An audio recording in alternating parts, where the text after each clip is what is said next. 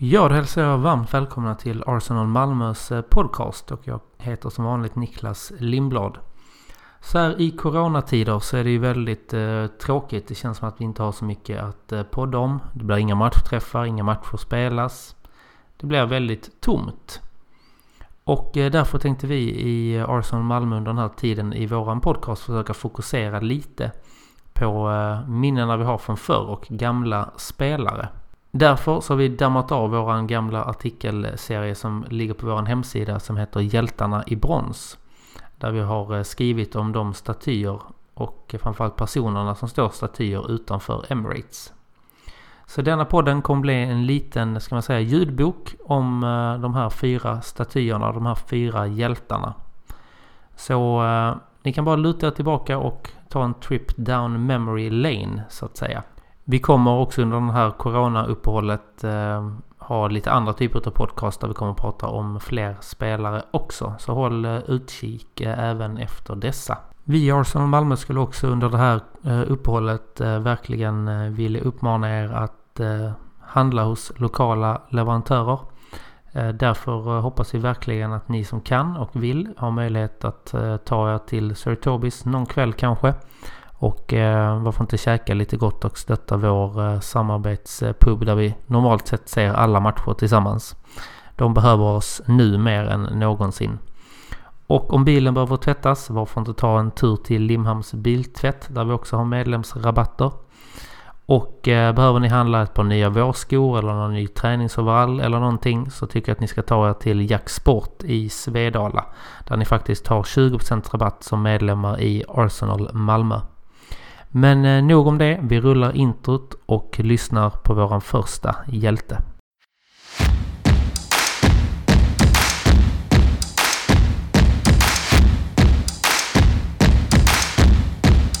For the Malmo uh, eh, Arsenal Supporters Club.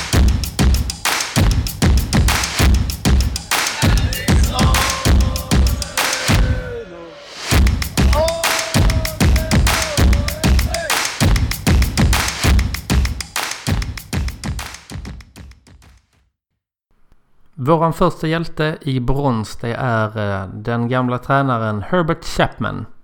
Herbert Chapman föddes den 19 januari 1878 i Kiverton Park, Yorkshire och var Arsenals tränare från 1925 fram till sin död den 6 januari 1934. När han kom till Arsenal så var det lite som en blixt ifrån klar himmel eftersom Chapman vunnit en fa titel samt två ligatitlar med Huddersfield Town som var hans tidigare klubb. Säsongen innan Chapman dock kom till klubben så slutade vi på en 20 plats och lyckades precis undvika nedflyttning från högsta ligan. Men Chapman skulle ändra på mycket hos Arsenal och för att nå toppen så ändrade han mycket både inom Arsenal och inom fotbollen i stort. Herbert Chapman beskrivs ofta som den store innovatören. Skillnaden märktes direkt när Chapman kom till Highbury. Han avslutade sin första säsong, säsongen 1925-1926, med en andra placering i ligan som då var den högsta placeringen i klubbens historia. Dessutom tog han laget till kvartsfinal i FA-cupen och ett år senare, den 23 april 1927, spelar Arsenal sin första fa Cup-final. Tyvärr blir det förlust med 1-0 mot Cardiff City, men Arsenal hade under Chapmans ledning visat att man ville vara med och slåss om de stora titlarna. Men vi ska ta det hela ifrån början. Innan Chapman blev tränare så var han även spelare. Han blev proffs 1901 i Northampton Town och Chapman har också spelat för bland annat Sheffield United, Notts County och Tottenham. Efter avslutandet av sin karriär som spelare kom han att bli tränare för Leeds City. Det är det som idag är Leeds United. Dit kom han med en erfarenhet som spelande tränare under sina två sista år i Northampton Town. Chapmans mål var att vara med att ta upp Leeds City i högsta divisionen. Men det blev bara en fjärde plats i andra divisionen som bäst under Chapmans tid i klubben mellan åren 1912 till 1918. Men redan under tiden i Leeds City visade Chapman sin innovationsanda inom fotbollen. Herbert började med att ta personliga samtal med spelarna för att gå igenom taktik och han lät även spelarna få lite avkoppling under tiden mellan matcherna. Det kunde till exempel bli en golfrunda istället för träning. Efter första världskriget 1919 så framkom det att Leeds City betalat ut löner till gästspelare under första världskriget, vilket inte sköts enligt regelboken. Herbert sa att han var oskyldig men blev ändå avstängd på livstid från fotbollen. Leeds City upphörde som klubb och skapade sedan om som Leeds United. Herbert tog jobb som arbetsledare på ett oljeföretag. 1920 så häver FA Chapmans avstängning och han kan nu återgå till fotbollen. Nästa anhalt blir Huddersfield Town. Med Huddersfield blir Chapman FA-cupmästare 1922 samt ligamästare två gånger. Men efter det var det dags att flytta till norra London. Året var alltså 1927 och Chapmans manskap har precis förlorat klubbens första FA-cupfinal. Chapmans arbete med innovation skulle fortsätta. Under de närmsta åren blir han en stark förespråkare för en del förändringar inom fotbollen som satt spår i historien. Herbert var tidigt för att matcher skulle kunna spelas i elljus. Han tyckte matchbollarna skulle vara vita samt att spelarna skulle ha nummer på sina tröjor. Allt detta blev verklighet men tyvärr hann inte Chapman uppleva att alla hans idéer blev verklighet. Det är också Chapman som ändrar Arsenals matchställ till det klassiska röda och vita stället. Han utvecklade också taktiken och var först med ett 3-3-4 system som även kallades WM-formationen vilket var nyskapande då. Hans innovationer gav frukt även på fotbollsplanen. 1930 vinner Arsenal sin första fa Cup-titel då man lite roligt nog besegrar Chapmans gamla klubb Huddersfield Town i finalen på Wembley och pokalen tas för första gången hem till Arsenal. Den första ligatiteln lät sig inte vänta länge. Säsongen 1930-1931 lyfter Arsenal bucklan efter att ha tagit 66 poäng, vilket då var ett rekord i den högsta ligan. Succén fortsätter även säsongerna 1932-33 och 1934-35 med ligatitlar till Arsenal. Tyvärr får bara Herbert Chapman uppleva en till ligaseger efter sin första. Några dagar in på det nya året 1934 beger sig Chapman sig ut trots en förkylning för att se Arsenals tredje lag spela match. Av detta blir Chapmans förkylning inte bättre utan utvecklar sig till lunginflammation vilket leder till att Herbert Chapman avlider den 6 januari 1934, 55 år gammal. Det han lämnar efter sig i en fotbollsvärld är bland annat ett Arsenal som har två ligatitlar och en FA-cup på 1930-talet och skapar Arsenals första storhetstid. Han gjorde om hela tränarrollen och lade grunden för hur dagens managers kan arbeta. Innan Chapman skulle samtliga laguttagningar till exempel gå genom styrelsen. Det dröjde dock till Emirates-tiden innan klubbens stora ikon skulle hyllas med en staty. På Highbury precis vid ingången fanns en byst av Herbert Chapman. Men den 9 december 2011 skulle Herbert Chapman få sin bronsstaty avtäckt utanför Emirates Stadium. Även om klubbmärket kommer att leva länge så skulle det inte vara mycket värt utan alla som tjänat klubben genom åren. Herbert Chapman har gjort mycket för klubben och fotbollen i stort. Han skapade ett anfallsinriktat lag som kunde vinna titlar och satte standarden för hur Arsenal skulle spela och vara. Med hans tre ligatitlar, en FA-cup och fyra Charity Shield så är han den tredje mest framgångsrika managern i Arsenals historia. Han visade vägen och sedan har flera följt efter hans goda exempel. En klubb som driver fotbollen framåt med anfallsinriktad fotboll. Då blir vi ett lag som vinner titlar och skriver in oss i historien. Herbert Chapman är en man att minnas och genom statyn kommer hans gärningar för klubben aldrig att glömmas bort. Nästa hjälte i brons levde faktiskt när statyn avtäcktes. Och han är faktiskt också en stor anledning till att jag började hålla på Arsenal. Det är nästan egentligen bara den här personens fel. Och lite det svenska landslaget också om jag ska vara ärlig. Jag var 11 år och fotbolls-VM skulle börja i Frankrike 1998. Sverige var inte med och jag behövde ett lag att hålla på. Av en slump föll lotten på Holland. De spelade en offensiv och rolig fotboll tyckte jag. Där fanns också en viss Dennis Bergkamp i laget. Och efter målet i matchen mot Argentina var jag helt såld. Jag var tvungen att följa denna holländare i vilket lag han än lirade. När jag kollade upp det så visade det sig att han spelade i Arsenal och vips så var jag fast. Det är den största anledningen till att jag håller på Arsenal. Men nog om mig, nu ska vi prata mer om Dennis Bergkamp. Hans fullständiga namn är Dennis Nicolas Maria Bergkamp och föddes i Holland 1969. Att fotboll skulle vara en del av Dennis liv stod klart redan när han fick sitt namn efter den skotske fotbollsspelaren Dennis Law. Dock hade Bergkamp mer hyfs i sig än Dennis Law. Istället för att lira över 300 matcher i United så valde Dennis att göra 423 matcher i Arsenal och hela 120 mål.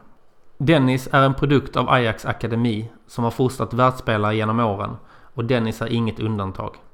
Under Bergkamps tid i Ajax från 1986 till 1993 blev det totalt 185 matcher och 103 mål. Han blev uppflyttad till A-truppen av Johan Cruyff och Dennis vann under denna tiden en ligatitel och två inhemska kupptitlar. Cupvinnarcupen, Uefa-cupen samt skytteligan tre gånger. Självklart väckte den tekniska anfallaren intresse i övriga Europa. Bergkamp valde 1993 att skriva på för Inter och flyttlasset gick till Italien och Milano. När man hör diskussioner om Bergkamp nämns ofta saker som en fantastisk teknisk spelare med bra spelförståelse, målfarlig och ibland används till och med ordet geni. Tiden i Inter får tyvärr beskrivas på ett annat sätt. Johan Cruyff hade gett rådet till Dennis att gå till Barcelona men eftersom La Liga hade en regel om max tre utländska spelare i laget och där redan fanns Risto Stoichkov, Ronald Koeman och Mikael Laudrup visste Bergkamp att det skulle bli ont om speltid. I sin självbiografi berättar Bergkamp själv att många italienska klubbar var intresserade. Men han ville gå sin egen väg och inte följa andra holländska spelare som van Basten och Hullit och gå till Milan. Valet kom att stå mellan Juventus och Inter. Känslan gjorde att valet föll på Inter. Inter hade sagt till Dennis att de skulle spela ett bra offensivt pressspel. Inters ordförande Pellegrini höjde Bergkamp till skyarna med att säga till pressen att han ansåg att Bergkamp var världens bästa spelare i nummer 10-rollen. Dock blev spelstilen fortsatt defensiv för Inter och Bergkamp var relativt isolerad uppe i anfallet. Bergkamp hade också problem med den sociala biten med medspelare och en kultur som han inte riktigt kom in i. Under våren 1994 fick Inter en ny tränare, Gianpero Marini, men förlusterna fortsatte i ligan. Dock vann Inter Uefa-cupen och där blev Bergkamp bästa målgörare med åtta mål. Om första säsongen var tuff så var den andra säsongen ännu tuffare för Dennis i Inter. En ny tränare kom in, Ottavio Bianchi, som Bergkamp tyckte visade dålig respekt till sina spelare. Det blev bara värre och värre. Bergkamp har sagt att han tappade hår under denna tiden för att situationen var ohållbar. I juni 1995 ställer Bergkamp via sin agent ett ultimatum till Inters nya ägare Moratti. Antingen sparkar ni Bianchi eller så, låt, så låter ni mig lämna klubben. Valet föll på Bianchi och Bergkamp kände inget hopp och övervägde faktiskt att pensionera sig. Istället blev det spel i Arsenal och den 20 juni 1995 presenteras Dennis Bergkamp som nytt nyförvärv till Arsenal. Dennis vann under sin tid i klubben tre Premier League-titlar, FA-cupen fyra gånger och blev utvald till Årets spelare i England 1998. Arsenals nummer 10 har under sina år i klubben gett oss titlar och visat prov på att tekniska spelare kan göra bra ifrån sig i Premier League. Hans mål mot Newcastle är en riktig delikatess som man alltid vill se tillbaka på. Eller varför inte den härliga kontringen på White Hart Lane 2004 som ger oss 2-0 där Perez avslutar men där Bergkamp är högst delaktig i uppbyggnadsfasen. Dennis Bergkamp älskar Arsenal och klubben och fansen älskar honom. Beviset kom under hans karriär men har fortsatt även efter det.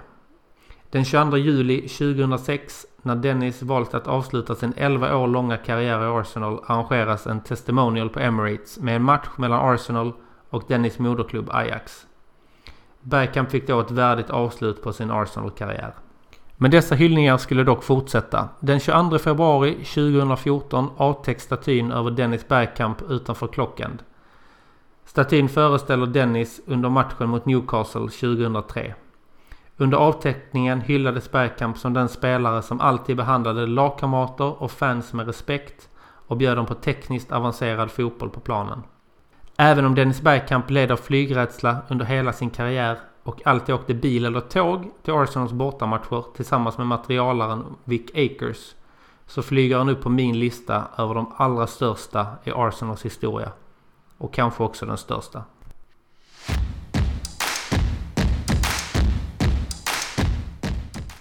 Nästa hjälte i brons är eh, Rickard Henrikssons personliga favorit, kaptenernas kapten Tony Adams. Han var stor i både längd och gester på planen. Han fick respekt av både med och motståndare. En klockren lagkapten och han är verkligen Mr Arsenal. Gick hela vägen i klubben och nu efter karriären är han en av våra största legender. Totalt blev det 19 säsonger i klubben och 10 titlar. Han ledde den legendariska backlinjen tillsammans med Dixon, Bold och Winterburn. 1980 kommer Tony Adams till klubben och tre år senare får han ett lärlingskontrakt och den 5 november 1983 gör han A-lagsdebut emot Sunderland. 1986 tar George Graham över som Arsenal-tränare och då tar Adams en fast startplats i laget. Säsongen 1986-87 etablerar han inte bara sig själv i A-laget utan landslagsdebuterar också och kröner säsongen med sin första titel med Arsenal när vi vann ligacupen. 1988 blir Adams endast 21 år gammal lagkapten i Arsenal, yngsta någonsin att bära binden. Adams avslutar 80-talet med att vara med i laget som vann ligan efter den legendariska matchen på Anfield 1989. Där vi avgör i slutminuterna efter ett mål av Thomas. Det är en klassiker för Arsenals fans världen över. Under denna tiden börjar även Tony Adams få problem med alkoholen, vilket han har berättat om i sin bok. Han dömdes bland annat för rattfylla som ledde till fängelse och hamnade i slagsmål på klubbar. Tony sökte hjälp för sina problem och, och i samband med att Wenger kom till klubben 1996 så var det som att Tony Adams hade fötts på nytt. Wengers krav på att man skulle vara nykter gjorde att Adams kunde börja prestera. Wenger gav också Adams stort förtroende och Adams ledde laget till ligatitlar 1998 och 2002. Dessa titlar gjorde Adams till legendar då han fört laget till ligatitlar inom tre olika årtionden. I början av sin karriär var Adams verkligen en mittback som blockerade skott och nickade bort bollar. Under Wengers ledning utvecklade han sitt spel och började även följa med upp i anfallsspelet. 1998 i matchen mot Everton då ligaguldet spelades hem gör han ett mål med en efterföljande målgest där Adams får solen i ögonen och bara står ut med armarna precis som hans staty ser ut. Ännu en klassisk bild av Adams och han var en ny typ av spelare. Den 9 december 2011 får Adams sin staty avtäckt utanför Emirates. Han är den mest framgångsrika lagkaptenen vi haft med 10 titlar. 669 matcher blev det i Arsenal och det är näst flest i Arsenals historia efter David O'Larry. Hans ledarskap på plan är en förebild för många unga spelare. Hans karriär blev, blev lång eftersom han alltid utvecklade sitt spel. Han har blivit framröstad till Arsenals tredje bästa spelare genom tiderna och Arsene Wenger har kallat honom för den perfekta kaptenen. En stor klubbikon och jag kan verkligen rekommendera hans bok Addicted för er som inte har läst den.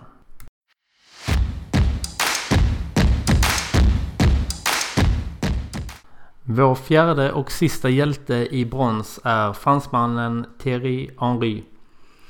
Henry föddes 1977 i Frankrike och hans fotbollsfostran tog fart i den berömda fotbollsskolan Clairefontaine i norra Frankrike. Skolan har tagit fram flera bra och kända spelare, till exempel Nicolas Anelka, William Gallas och Frank Ribéry. Efter skolan blev det spel i Versailles i ett år innan Arsène Wenger tog honom till Monaco 1994, som då var ett topplag i Frankrike. Henri var med i det franska landslaget som under hemma-VM 1998 tog hem VM-bucklan och förenade ett helt land. Året efter valde Henri att testa sina vingar utanför Frankrike efter 105 matcher i Monacos rödvita tröja. En färgkombination som Henri verkligen verkar gilla. 1999 skriver Thierry på för Juventus. Precis som Dennis Bergkamp vantrivdes han i Italien och lämnade snabbt Italien. Henri följde sina landsmän Vieira och Petit till Arsenal där även Wenger nu var tränare. Den 3 augusti 1999 presenteras Henry som en Arsenal-spelare och de 11 miljoner pund som han kostade skulle visa sig vara välinvesterade. Siffrorna säger egentligen allt om Henrys påverkan under sin tid i Arsenal. På 376 tävlingsmatcher svarade Henry för 228 mål och 93 assist. Henri hade en blick för spelet som var världsklass. Han kunde driva bollen snabbt i långa sträckor och när han satte fart visste man inte vad, som, vad det skulle sluta med. Men riktningen var alltid framåt. Dessutom var hans djupledslöpningar helt fantastiska. Hans kärlek för klubben och dess supportrar gick aldrig att ta miste på. Han kysste klubbmärket på sin tröja och ofta genom tv-rutan hörde man honom skrika till fansen Come on Arsenal! Ofta hände detta. Titlar fick han också ta i Arsenal-tröjan. Det blev två Premier League-titlar och tre FA-cuper. Lägg där även till Premier Leagues skyttekung hela fyra gånger. Han fick uppleva både Highbury och Emirates. Highbury fick även genom just Henri ett perfekt avslut från tidernas skyttekung. I sista matchen gjorde nämligen Henri ett hattrick. Ett hattrick som avslutades med en straffspark och Henri faller ner på knä och kysser Highburys gräsmatta. 2007 bestämmer sig Henri för att lämna Arsenal. Klubben som han verkligen tagit till sitt hjärta. Flytten gick till Barcelona men det skulle visa sig att han inte var helt klar med Arsenal. I Barcelona blev det två La Liga-titlar och en Champions League-titel. Sommaren 2010 skriver Henri på för New York Red Bulls efter att ha haft en dispyt med Barcelonas tränare Pep Guardiola. I sin första match för MLS-laget gör Henri ett mål och motståndet var Tottenham. Den 10 december 2011 får Thierry Henry sin staty utanför Emirates. Statyn föreställer Henry på knä efter sitt mål mot Tottenham på Highbury i november 2002. Den 13 december samma år skriver Henry på ett lån på två månader och är åter tillbaka i klubben i hans hjärta. Som han själv sa, den här gången är jag inte en spelare utan jag är en supporter som får spela i mitt favoritlag. Den 9 januari drar han på sig Arsenal-tröjan igen i en FA-cup i en FA-cupmatch mot Leeds där han blir inbytt och avgör med matchens enda mål. Kungen hade återvänt och det kändes som om Ry efter det målet hade energi till att springa hela vägen till Clairefontaines fotbollsskola där allting började. 2014 avslutar Henry sin fotbollskarriär. Efter karriären har han tränat Arsenals ungdomslag men framförallt varit expert i engelsk TV under Premier League-sändningarna. Hans kärlek för Arsenal har han alltid visat och han vill klubben väl. En värdig representant för klubben och en av de riktigt stora i klubbens historia. Han spelade i klubben under en era då vi var som störst och hade 49 matcher obesegrade i ligan och Henri var störst och bäst under den tiden.